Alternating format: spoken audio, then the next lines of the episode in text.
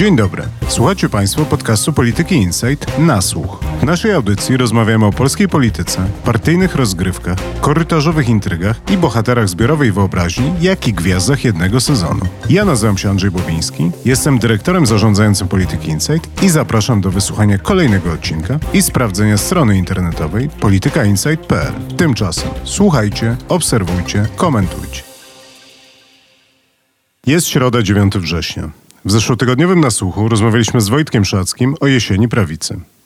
Trzy lata temu, 8 września 2017 roku, nagraliśmy nasz pierwszy podcast z Krynicy. W tym tygodniu, w naszym 389 podcaście, licząc wszystkie odcinki na wszystkich kanałach, chciałem dowiedzieć się od Joanny Sawickiej i Ryszarda Łuczyna, co w najbliższych tygodniach i miesiącach czeka opozycja. Zapraszam na nasłuch. Ryszard, może zaczęlibyśmy od lewicy.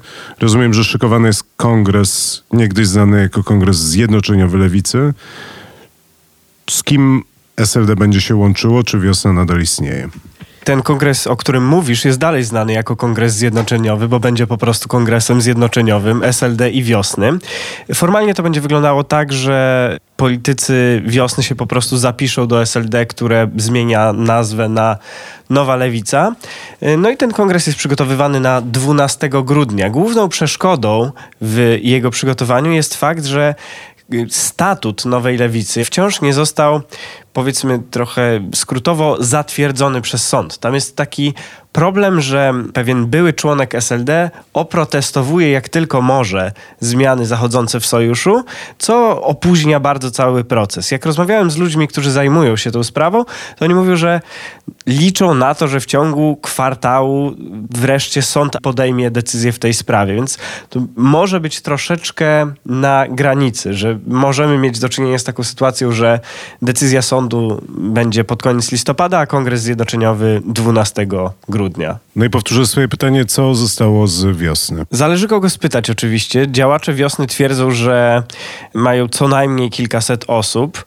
Nie mamy możliwości sprawdzenia tego, ale to się okaże po tym kongresie zjednoczeniowym, dlatego że ta nowa partia lewicowa ma być zorganizowana na takiej zasadzie, że będą istniały w niej frakcje. Planowo dwie. Frakcja eseldowska i frakcja wiosenna. I żeby założyć taką frakcję, trzeba będzie mieć co najmniej 500 osób. Więc poznamy przynajmniej trochę stan liczebny wiosny po tym, czy założy swoją frakcję. A jak na to wszystko patrzy Partia Razem i co się tam dzieje? Partia Razem patrzy na to z pewnego dystansu, bo wiadomo, że ona nie planuje dołączać do tego nowego bytu. Najgłośniejszym ostatnio wydarzeniem była wymiana władz partii. Tam zaszła duża zmiana, dlatego że w zarządzie nowej kadencji nie mogli już się znaleźć ci najbardziej znani politycy razem, czyli Adrian Zandberg, Marcelina Zawiszak czy Maciej Konieczny, no, ze względu na limit kadencji. Oni byli już w zarządzie dwukrotnie, a razem obowiązuje zasada, że nie można więcej niż dwa razy zasiadać w danym organie.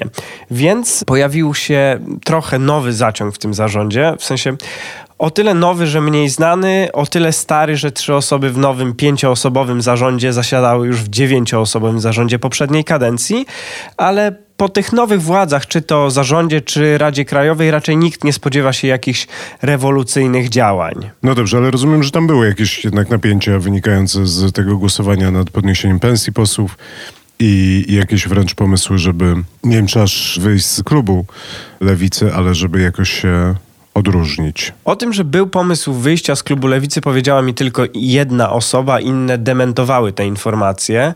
Być może to jest prawda, być może to nie jest prawda, ale na pewno prawdą jest to, że w klubie były duże napięcia po głosowaniu w sprawie podwyżek. Te napięcia najpierw były na wewnętrznych kanałach komunikacyjnych klubu internetowych, a potem powtórzyły się jeszcze na posiedzeniu wyjazdowym klubu, które odbyło się w zeszły czwartek.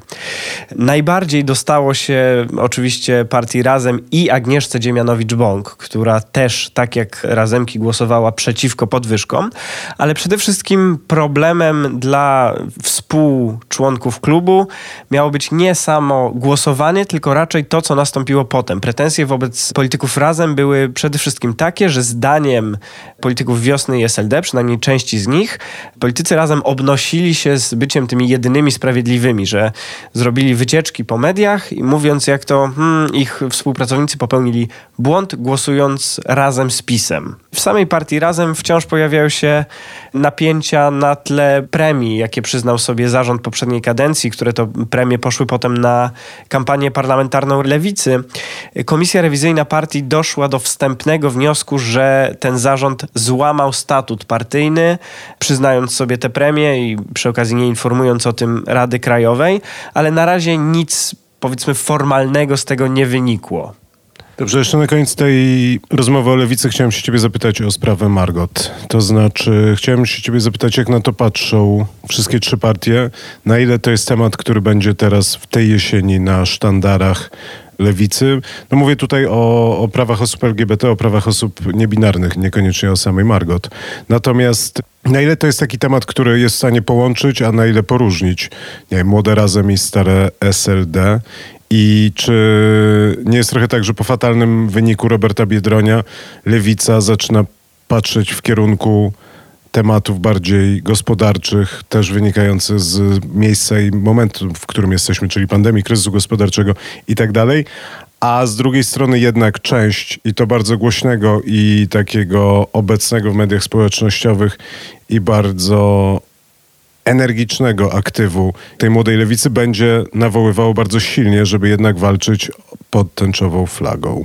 Wbrew temu, co wiele osób sądzi, uważam, że w długim terminie ta sprawa może nawet lewicy pomóc, dlatego że pokazuje, że są siły dużo bardziej radykalne niż ta nasza lewica, czy nawet partia Razem, która jest lewicowa niewątpliwie, jest socjaldemokratyczna, ale nie są to krwiożerczy komuniści, jak niektórym się zdaje. I teraz mamy osobę, która pokazuje dużo bardziej radykalne działania niż ta nasza lewica, niejako oswajając opinię publiczną z uznawanymi często za radykalnymi politykami razem. Więc to w takim dłuższym terminie. Natomiast odpowiadając na Twoje pytanie, co lewica będzie miała na sztandarach, odwołam się do badań, które były właśnie przeprowadzane na zlecenie lewicy. I z tych badań wyszło, po pierwsze, że lewica ma poparcie 9%, więc to nie jest tak strasznie źle, jak wyszło w wyniku wyborów prezydenckich, i że ta cała 9% pula wyborców jest w miarę pro-LGBT. Nawet ten, jak ktoś określił w rozmowie ze mną, pułkownikowski elektorat, ten stary elektorat SLD. Natomiast o ile, umownie mówiąc, tęczowość nie przeszkadza lewicy, to też jej specjalnie nie pomaga. Dzięki temu nie zdobędzie nowych wyborców. Dlatego politycy lewicy są bardzo świadomi tego, że oni muszą odkleić się od tego bycia siłą jednego tematu. W tych badaniach jako najważniejszy temat dla lewicy zdecydowanie podobno wyszła tematyka mieszkaniowa, że ludzie bardzo chcieliby propozycji tanich mieszkań na wynajem, które to propozycje od lewicy nawet dostają, tylko o tym nie wiedzą. I to jest drugi wniosek z tych badań, że lewica koniecznie musi lepiej sprzedawać swoje pomysły. Że nawet jeśli jej pomysły byłyby w stanie przekonać wyborców, to oni po prostu o tym nie wiedzą. I w związku z tym tak na pewno będzie dużo więcej tematyki gospodarczej ze strony lewicy. Lewica będzie szukać tych pomysłów gospodarczych na pozostałych 17 kongresach, które odbędą się tej jesieni, bo kongres zjednoczeniowy jest jednym, oprócz tego odbędzie się 16 wojewódzkich kongresów programowych, a na koniec krajowy kongres programowy, nawet w takiej szerszej formule, nie samej lewicy jako koalicji, tylko lewicy jako formacji ideowej.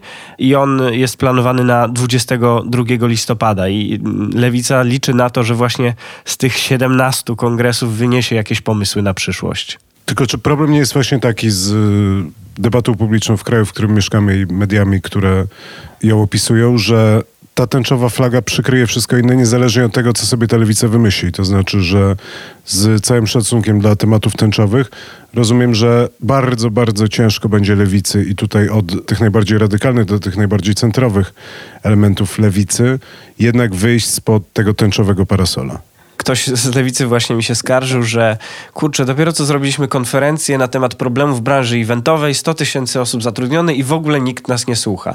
Jasne, to zawsze jest ten problem, dlatego ja nie będę sprzedawał lewicy nadzwyczajnego remedium, jak ma to zrobić. Oni wiedzą, że muszą to zrobić.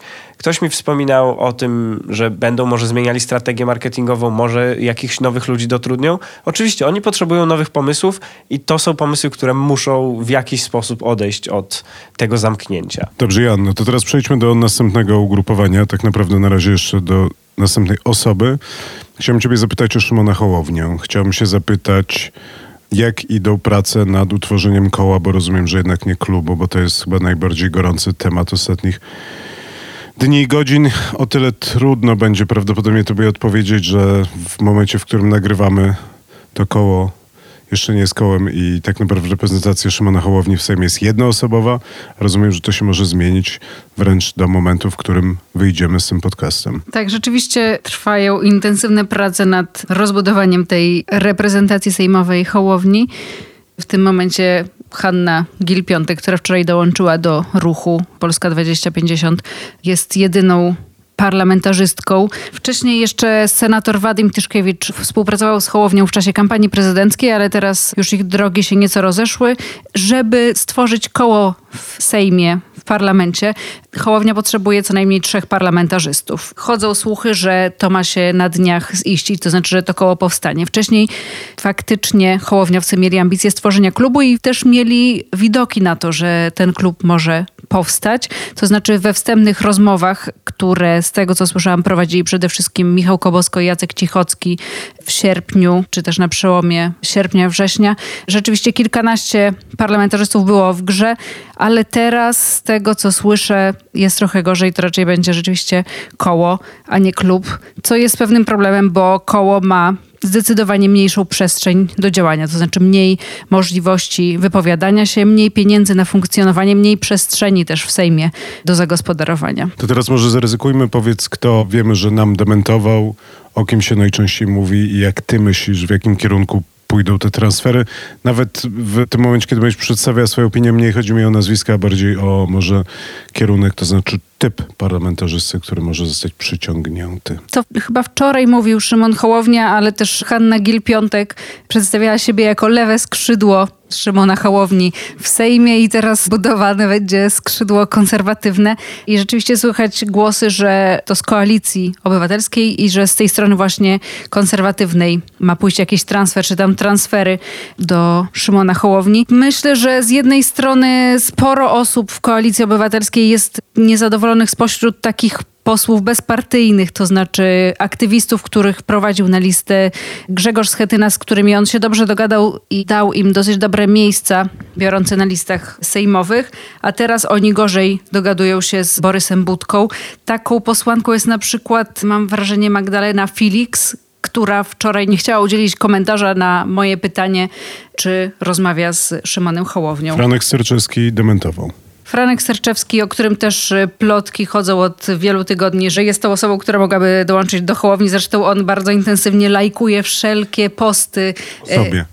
nie, nie tylko o sobie. Wszelkie posty hołowniowców na Twitterze zawsze propsuje wszelkie ich działania w internecie i rzeczywiście jest tutaj strasznie aktywnym fanem Stowarzyszenia Polska 2050, ale właśnie dementował swój transfer, czy też swój akces do tego ruchu. Rozumiem, że tam jeszcze pojawiają się nazwiska Tomasza Zimocha, jeszcze nazwiska Marka Sowy, byłego marszałka Małopolskiego. Tak, natomiast jeśli chodzi o Zimocha, to tak, też to słyszałam, też się nad tym zastanawiałam. Dla Hołowni Zimoch jest za bardzo celebrytą, a nie takim merytorycznym posłem. On szuka posłów, którzy mają jakiś dorobek, którzy składali dużo interpelacji, którzy dużo się wypowiadali w Sejmie i których pracę jako posłów ceni. Rozumiem, że patrząc na te prace nad przyciąganiem i to, o czym ty mówisz, to znaczy próba doklejenia konserwatywnego skrzydła do lewym skrzydłem, którym obwołało się Hanna Gil-Piątek, to prawdopodobnie te łowy teraz toczą się w okolicach Platformy Obywatelskiej i rozumiem, że raczej pośród pełnokrwistych, merytorycznych polityków, a mniej celebrytów czy takich postpolitycznych gwiazd mediów społecznościowych, patrz na przykład Klaudia Jachira. Tak, tak mi się wydaje, ale myślę, że Hołownia nie porzuca myśli dalszych łowów w środowisku lewicy. Myślę, że tam takich mm, zwłaszcza w rozpadającej się wiosny jest ileś posłów, którzy są nieco zawiedzeni tym, co się dzieje w ich byłej partii i w obecnej koalicji i tam też ileś nazwisk się przewija. Żadnego nie udało nam się potwierdzić. No myślę, że w najbliższych dniach się dowiemy, kto. No dobrze, Joanna, tak trochę czepiając się Szymona Hołowni, to rozumiem, że jego opowieść wchodząc w politykę była taka, że on jest politykiem i że on będzie budował ruch społeczny, będzie budował think tank i na końcu tej drogi, kiedy już będzie trzeba, to wtedy zacznie się zajmować takimi sprawami partyjno-politycznymi. Natomiast i znowu zwalę to na karp debaty publicznej tego, czym ludzie się interesują, czym my też się interesujemy, no, nie ukrywajmy tego, jest jednak teraz pogoń za tym, kto pójdzie do klubu Szymona Hołowni, pójdzie, nie pójdzie, czy prawicowy, czy lewicowy, czy konserwatywny. I gdzieś się zgubiła ta inna polityka, która właśnie nie miała być o transferach, tylko bardziej o merytoryce, o obywatelu, a nie o polityku. I teraz trochę nie widać ani tego stowarzyszenia, ani tego think tanku, tylko właśnie widać Hannę Gil-Piątek, Michała Koboska, i tak dalej. No, usprawiedliwiając trochę Szymona Hołownię, należy jednak powiedzieć, że on faktycznie mówi, że partię zbuduje na samym końcu, ale to, że przejmuje w tym momencie posłów, to nie oznacza, że w tym momencie powstanie partia Szymona Hołowni. On zbudował stowarzyszenie, ono zostało zarejestrowane kilka dni temu oficjalnie. Jego think tank zaczął działać. Kilka dni temu też została zbudowana czy przebudowana osobna strona think tanku, na której zaprezentował 17 ekspertów, którzy mają już swój jakiś dorobek, chociażby ten zaprezentowany 3 września projekt o pensjach dla polityków i finansowaniu partii. Ja, no to teraz może przejdźmy do Platformy Obywatelskiej. Czy mogłabyś nam opowiedzieć o tym, czy Borys Budka nadal panuje nad partią, której przewodzi? Jaka jest atmosfera w Platformie Obywatelskiej? Atmosfera jest średnia, to znaczy mocnym cieniem położyła się sprawa głosowania razem z PiSem nad podwyżkami pensji parlamentarzystów i wciąż nie udało się wygłuszyć napięć i sporów, które potem powstały. Grzegorz Schetyna który jak wiadomo w każdym momencie robi i będzie robił wszystko, żeby budować i wzmacniać swoją pozycję w partii, korzysta na tym błędzie sprzed już tak naprawdę kilku tygodni, ale on to robi dalej i w tym momencie stara się budować swoją frakcję, żeby wpłynąć na to, kto zostanie szefem klubu parlamentarnego w Platformie. Budka stara się nad tym zapanować, głównie przesuwając ostateczne wybory, rozstrzygnięcia, nowe otwarcia, stara się zbudować jakiś taki spokój w partii, żeby teraz nie było wielkich wydarzeń pokazujących jakąś jego słabość czy porażkę. Na przykład dzisiaj były zaplanowane wybory szefa klubu senackiego. Jeszcze do wczoraj wieczorem było dwóch zgłoszonych kandydatów na to stanowisko, to znaczy Marcin Bosacki, współpracujący ze Schetyną i Bogdan Zdrojewski, który jest politycznym singlem, ale bardzo ostro krytykującym Budkę. Budka nie miał swojego kandydata. Tam był jeszcze jakiś trzeci senator, chyba z Elbląga, mało znany, ale też nie będący we frakcji Budki. Budka nie miał swojego kandydata. Myślę, że te wybory zostaną przesunięte. Może w ostatniej chwili Budka zbierze podpisy pod kandydaturą swojego senatora i te wybory się odbędą, ale widać, że on też nie ma takiej pełnej i mocnej kontroli i stara się po prostu przesuwać różne wydarzenia. Wybory na szefa klubu parlamentarnego są zaplanowane na październik, ale ja się spodziewam, że jeżeli Budka zapanuje nad partią, to te wybory mogą się odbyć, ale myślę, że jeszcze tak naprawdę kilka dobrych tygodni mu zajmie odbudowanie swoich wpływów. Też problemem jest to, że fatalną prasę ma teraz jego najbliższy, czy jeden z najbliższych współpracowników, Sławomir Nitras, który jest głównym kandydatem Budki na szefa klubu, ale też panuje wobec niego duża niechęć. Dobrze, chciałem cię zapytać o, o, napięcie, które dało się odczuć chwilę temu i nie wiem, czy ono nadal jest obecne, to znaczy napięcie pokoleniowe. To znaczy, że Budka miał być taką nową twarzą odnowy Platformy, że przychodził z grupą polityków młodszego pokolenia. Mówimy tutaj o głównie 40-latkach. Natomiast no, oni trochę wypychali i mówili, nie wiem czy wprost, ale dawali do zrozumienia tym starszym politykom z Platformy, że oni już się wyczerpali, że nie mają pomysłu, że nie rozumieją tej nowej polityki i że teraz nadszedł czas tych młodych. Czy nadal tak właśnie przebiega ten konflikt i czy to nadal ma miejsce, to znaczy, że to jest Budka i młodzi kontra Schety najstarsi, czy to jest zbyt duże uproszczenie? Jest to pewne uproszczenie, bo wydaje mi się, że Schetyna jest jednak dosyć osobnym bytem, dosyć wpływowym, ale to nie jest osoba, która ma frakcję tak silną, żeby, nie wiem, móc walczyć o przywództwo, gdyby na przykład odbyły się teraz wybory przewodniczącego. Większość tych starszych to jednak nie są schetynowcy, tylko po prostu przedstawiciele rzeczywiście starszego pokolenia, którzy trochę inaczej patrzą na politykę i którzy nawet chyba mam wrażenie chcieliby oddać władzę tym młodym, tylko są trochę poirytowani tym, że ci młodzi niespecjalnie sobie dają radę. W sensie popełniają błędy, nie przedstawiają wizji, nie przedstawiają pomysłów i dodatku nie potrafią zapanować nad tą partią. Więc ci starsi patrzą na to z niepokojem, też robią własne zebrania i dyskutują nad tym, jak powinna wyglądać odmieniona platforma, co się powinno zmienić, jakie instytucje powinny powstać, to znaczy właśnie think tank czy gabinet cieni, żeby to wszystko lepiej funkcjonowało, bo mają wrażenie, że Budka, pomimo że już przez 7 miesięcy dzierży władzę w partii, to jeszcze po prostu tego nie ogarnął. No dobrze, to teraz może przejdźmy do Rafała Trzaskowskiego, czyli polityka Platformy, ale który ciężko stwierdzić, ale może próbuje się wybić na pewną niezależność. Zakładałem, kiedy planowaliśmy tę rozmowę, że będziemy rozmawiać już o ruchu Nowej Solidarności, który Rafał Trzaskowski miał założyć i zainaugurować. To się jeszcze nie wydarzyło ze względu na awarię Czajki i burzę medialną, którą ta awaria wywołała. Chciałem się ciebie zapytać, ile twoim zdaniem zostało z ambicji prezydenta Warszawy? Czy rzeczywiście jest tak, jak pisze i mówi Rafał Trzaskowski, że po prostu start tego ruchu został przesunięty, a na ile trochę jednak ta czajka przykryła i zweryfikowała plany budowy ruchu społecznego wokół kandydata na prezydenta Polski, prezydenta Warszawy Rafała Trzaskowskiego? No, ja muszę przyznać, że od dosyć dawna patrzyłam lekko sceptycznie na ten pomysł budowy ruchu społecznego przez Rafała Trzaskowskiego. To znaczy, ja nie widziałam pomysłu i też sama nie potrafiłam wymyślić w głowie pomysłu na to, jak ten ruch ma funkcjonować. Co Rafał Trzaskowski i jego ludzie ma zaproponować aktywistom w regionie, których chciałby zebrać pewnie co najmniej kilka tysięcy, czym oni mieliby się zająć przez te trzy lata do kolejnych wyborów parlamentarnych, żeby to mogło istnieć, żeby mogło żyć. Ale też w tym kontekście myślę, że nie ma większego znaczenia, czy ten ruch wystartuje 5 września czy też pod koniec października. Myślę, że energia, która rzeczywiście była widoczna, zwłaszcza na początku czerwca z kampanii prezydenckiej, siłą rzeczy już musiała się trochę rozejść.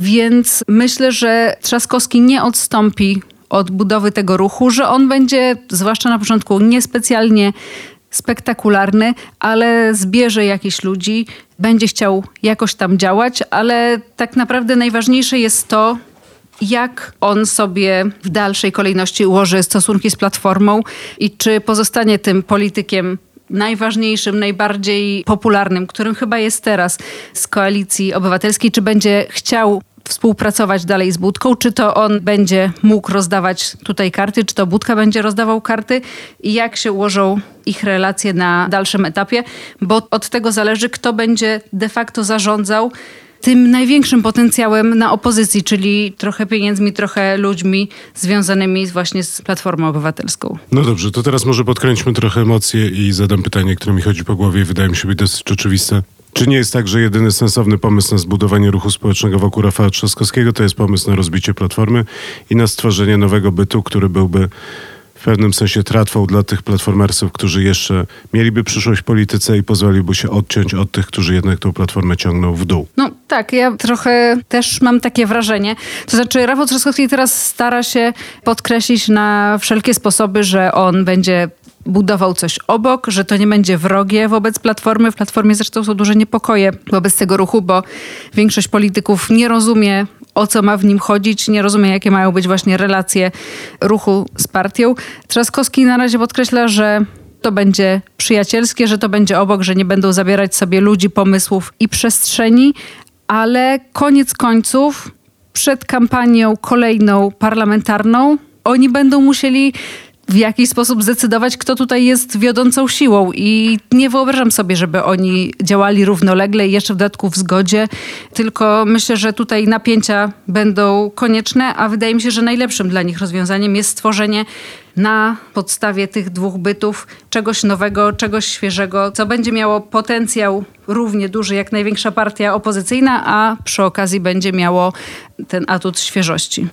No i tu dochodzimy do drugiego takiego dużego pytania, które myślę, że wielu osobom chodzi po głowie. To znaczy, czy Szymon Hołownia rzeczywiście jest w stanie zbudować partię polityczną, która pozwoliłaby mu wystawić w 2023 roku reprezentację w wyborach do parlamentu, ale też o czym często się zapomina, a ty ostatnio napisałaś, w wyborach samorządowych. To znaczy, żeby wystawić kandydatów do Sejmu, do Senatu, na prezydentów miast, do rad miast i tak dalej, i tak dalej, i tak dalej. I teraz Pytanie brzmi, czy nie jest tak, że Szymon Hołownia jest skazany na współpracę z Rafałem Trzaskowskim i czy to nie jest tak, że wbrew temu wszystkiemu, co nam dzisiaj mówią politycy, w perspektywie trzyletniej logika funkcjonowania polityki i logika tych połączonych wyborów w 23 nie jest taka, że koniec końców Trzaskowski i Hołownia połączą swoje ruchy, wezmą z platformy to, co z platformy zostało, zostawiając ewentualnie jakąś taką kadłubkową platformę, która sobie wystartuje i będzie walczyła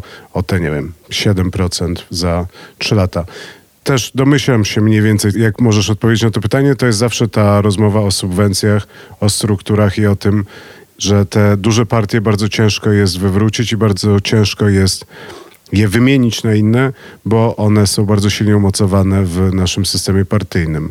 Ale czy nie jest tak, że tutaj jednak logika dziejowa wyprzedza i jest jednak nadrzędna nad takimi właśnie księgowymi tematami?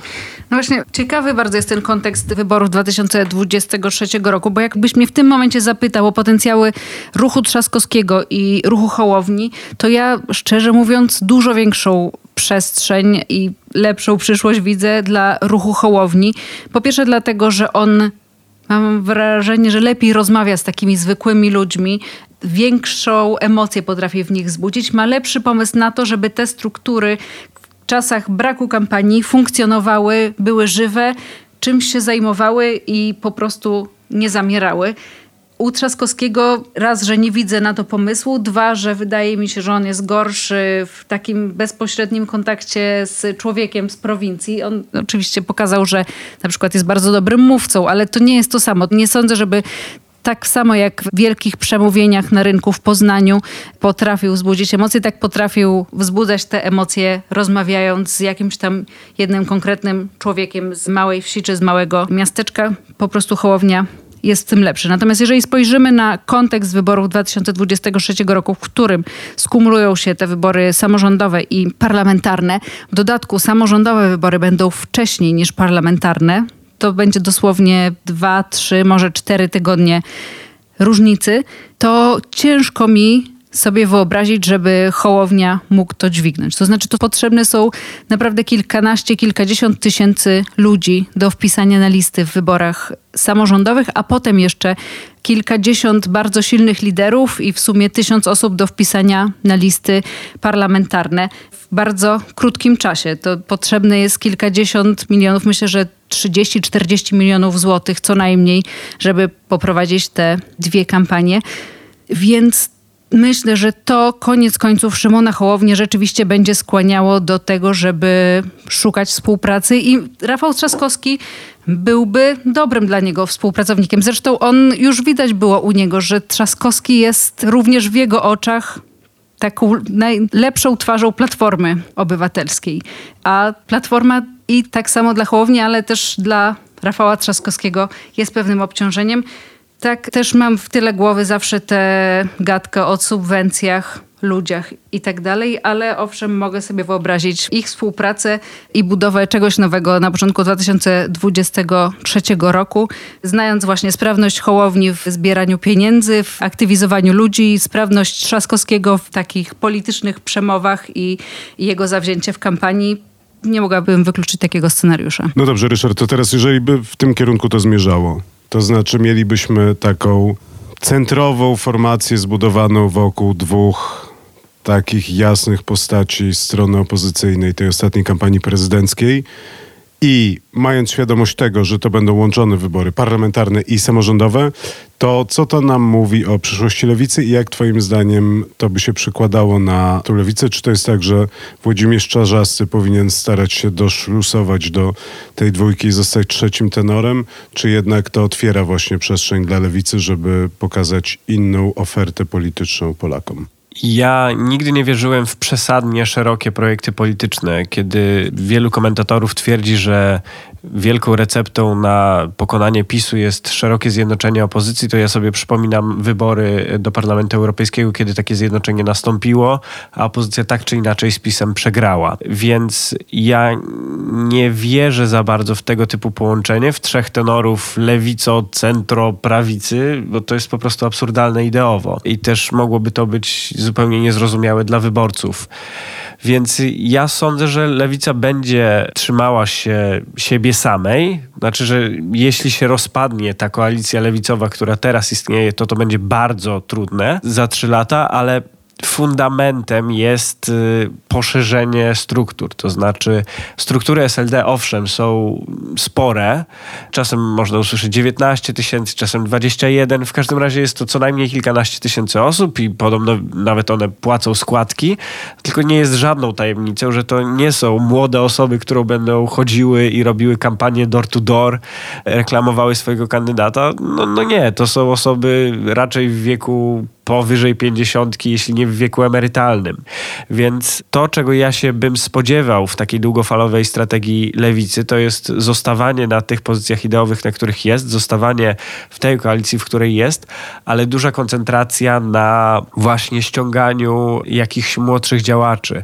Tutaj akurat zły omen się pojawił dzisiaj czy wczoraj, bo po tym jak przedwiośnie ogłosiło się niejako młodzieżówką nowej lewicy, oni przyjęli właśnie nazwę młodej lewicy, co wywołało złą reakcję ze strony z kolei młodzieżówki SLD, no to widać, że ta współpraca nie będzie szczególnie łatwa, ale to jest jedyne, co lewica może zrobić. Ona musi przyciągnąć nowych działaczy, bo nawet jeśli działaczy wiosny, którzy są młodsi, jest kilkuset, no to kilkaset osób to jest za mało, żeby w wyborach samorządowych dać sobie radę. To jeszcze cisnąć tą taką legendę składową o trzech tenorach, którzy jeszcze zawsze muszą być mężczyznami, którą prawdopodobnie zapoczątkował tercet Olechowski, Płażyński, Tusk, a teraz w pewnym sensie ciągnie tą historię Kaczyński-Ziobro-Gowin.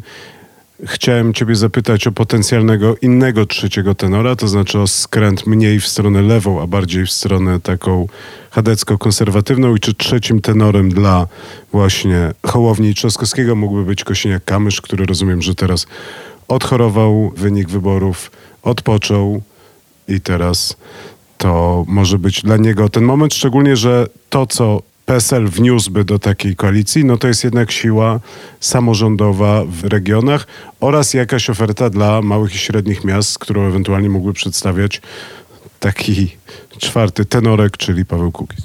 I to jest coś, w co ja jestem bardziej w stanie uwierzyć, zwłaszcza, że to jest spójne z tą znaną długofalową strategią PSL-u, która polega na transformacji z partii rolniczej w partię właśnie taką chadecką, partię średnich miast. Tylko, że jeśli spojrzymy na tego małego tenorka, Pawła Kukiza, tak go nazwijmy, to też myślę sobie, że warunkiem, żeby takie porozumienie zaistniało, musiałoby być rzeczywiście właśnie wyłączenie się Rafała Trzaskowskiego z Platformy, że to rzeczywiście musiałby być ten osobny ruch. Trudno mi sobie wyobrazić antypartyjnego Kukiza, który tworzy ostatecznie własną partię, a potem łamie już wszystkie swoje początkowe założenia i jeszcze wchodzi w sojusz z Platformą Obywatelską. Oczywiście Kukizowcy nie są szczególnie ważnym elementem tej układanki. Jest ich sześcioro. W Koalicji Polskiej są oczywiście dość ważni, no to jest jedna piąta klubu, no ale w takim dużym porozumieniu no byliby rzeczywiście zupełnie marginalni. Natomiast rzeczywiście wracając do tego głównego tematu, to tak, ja jestem w stanie sobie wyobrazić jakąś, pewnie w miarę luźną, ale jakąś formułę współpracy między tymi trzema liderami, no bo oni przynajmniej ideowo się spinają. Więc jeśli zaistnieją okoliczności taktyczne, które skłonią ich do tego, powiedzmy, nie wiem, Władysław Kośniak-Kamysz będzie wiedział, że ma 4,5% w sondażach i musi szukać jakiegoś sojusznika, no to pewnie będą to dobre okoliczności do tego, żeby takie porozumienie powstało. Jeśli mówimy o Kosiniaku Kamyszu, ja chciałam dodać, że ja teraz z dużym zainteresowaniem będę obserwowała dalsze losy jego i PSL-u. Wiem, że myśmy sami i wielu innych publicystów już wielokrotnie wieścili śmierć tego ugrupowania, natomiast w tym momencie naprawdę bardzo mi ciężko jest dostrzec jakiś możliwy motor rozwoju dla tego ugrupowania. To znaczy oni rzeczywiście stracili poparcie na wsi i mówienie o tym, że on wniósłby elektorat wiejski jest dosyć naciągane, bo ja nie widzę w jaki sposób on miałby w tym momencie odbudować. Czy możesz poprzeć tą myśl wynikami też wyborów samorządowych? No bo ja mówię o wyborach samorządowych. To jest ten moment, kiedy PSL jest w stanie jednak się w pewnym sensie odbudować. To prawda. Czy to, że te wybory samorządowe będą kilka tygodni przed parlamentarnymi w 2023 roku jest jakąś nutką nadziei dla PSL-u. W ostatnich wyborach samorządowych oni mieli 12% poparcia. To wynik rzeczywiście jak na nich całkiem niezły, ale później ponieśli porażkę w wyborach prezydenckich. I w tych samorządach oni jednak topnieją, to znaczy coraz więcej słychać o takich naprawdę niskoszczeblowych samorządowcach czy działaczach, którzy po prostu się, że tak powiem, neutralizują albo wprost przechodzą do PiSu, bo widzą, że PSL nie jest w stanie już nic im zaoferować. I ten wynik Kosiniaka-Kamysza, który nawet w swoich regionach, takich klasycznych PSL-owskich, czyli świętokrzyskim czy lubelskim, on miał poparcie na poziomie 3%, pokazuje, że te dawne ich bastiony trochę wymierają i przez te trzy lata, w których nie ma kampanii, w których oni nie będą mogli dawać swoim ludziom posad w spółkach, jak to zwykli robić w dawnych latach, wydaje mi się, że mogą ich jeszcze bardziej wyjałowić. No dobrze, to kończąc i podsumowując, ja powiem, że mam takie wrażenie, że ta jesień obfituje w jakieś takie przepychanki kuksańce, że takie mamy poczucie, że tutaj dużo się dzieje, że ci walczą z tamtymi, tu powstaje jeden ruch, drugi ruch, a tak naprawdę ja mam takie trochę poczucie, że to jest ten moment pozbierania się i policzenia i przygotowania się jednak do nowej rzeczywistości, do takiej, w której jednak będą większe ruchy tektoniczne, które doprowadzą do powstania nowych ugrupowań, nowych sojuszy, a że ta jesień będzie taka właśnie rwana